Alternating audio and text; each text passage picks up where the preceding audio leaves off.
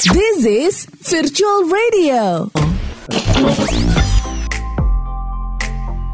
Assalamualaikum warahmatullahi wabarakatuh Apa kabar Sobat Virtual? Kita sudah memasuki bulan Agustus 2022 Yang berarti sudah 77 tahun Indonesia merdeka tahun ini ya Mudah-mudahan bangsa kita tetap percaya dan tangguh di dunia dan marilah kita tengok sejenak peristiwa apa saja yang terjadi selama bulan Juli 2022 di News of Month. 1 Juli 2022 Menteri Pemberdayaan Aparatur Negara dan Reformasi Birokrasi Cahyo Kumolo meninggal dunia dalam usia 65 tahun di Rumah Sakit Abdi Waluyo, Jakarta setelah mendapatkan perawatan intensif selama 13 hari. Cahyo Kumolo dimakamkan di Taman Makam Pahlawan Kalibata, Jakarta. 5 Juli, penyanyi legendaris tanah air Bob Tutupoli meninggal dunia dalam usia 83 tahun.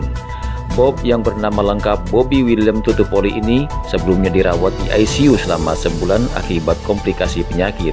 Bob Tutupoli dimakamkan di TPU Tanah Kusir pada 7 Juli 2022. 7 Juli, Perdana Menteri Inggris Boris Johnson mengundurkan diri dari jabatannya Sebelumnya, para menteri di pemerintahannya juga mengundurkan diri massal karena kecewa dengan pemerintahan di bawah Boris Johnson.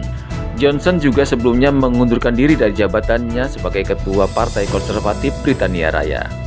8 Juli, mantan Perdana Menteri Jepang Shinzo Abe meninggal dunia setelah ditembak saat menyampaikan pidato politik untuk partainya di kota Nara. Abe mengalami pendarahan dan tidak sadarkan diri dan akhirnya meninggal di rumah sakit Nara. 8 Juli, dua anggota polisi terlibat aksi baku tembak di rumah dinas Kadif Propam Polri Irjen Verdi Sambo. Dalam aksi itu, Brigadir J atau Novrian Syah Yosua Huta Barat tewas di tangan Barada E. Banyaknya kejanggalan dalam kasus ini akhirnya Mabes Polri menonaktifkan Irjen Verdi Sambo dan Polda Metro Jaya juga menonaktifkan Kapolres Jakarta Selatan Kombes Polisi Budi Herdi Susanto. Sementara Barada E ditetapkan sebagai tersangka.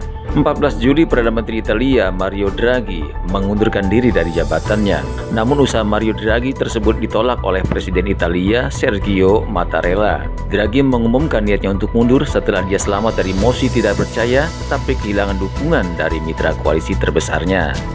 15 Juli Presiden Sri Lanka Gotabaya Rajapaksa resmi menyatakan mundur dari jabatannya setelah parlemen menerima dan mengesahkan surat resignnya.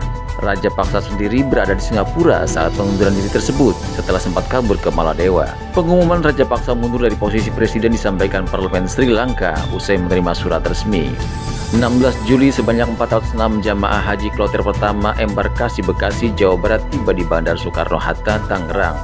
Kedatangan para jemaah disambut oleh Menteri Koordinator Bidang Pembangunan Manusia dan Kebudayaan Muhajir Effendi. 18 Juli 10 orang tewas dan 5 lainnya luka-luka akibat kecelakaan maut yang melibatkan truk tangki Pertamina di Jalan Transyogi Bekasi, Jawa Barat. Polisi masih menyelidiki kecelakaan maut tersebut. Dugaan sementara penyebab kecelakaan adalah akibat rem truk yang blong. Warga menuding penempatan traffic light di lokasi tersebut menjadi salah satu faktor penyebab kecelakaan.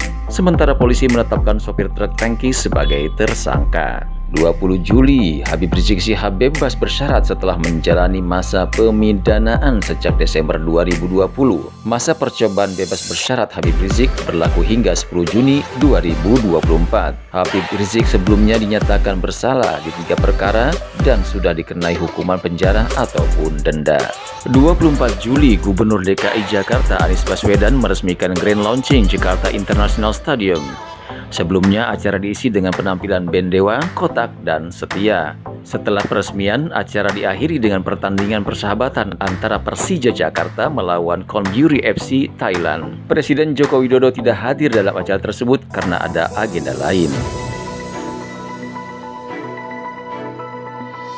Demikian News of the Month bulan Juli 2022 kali ini.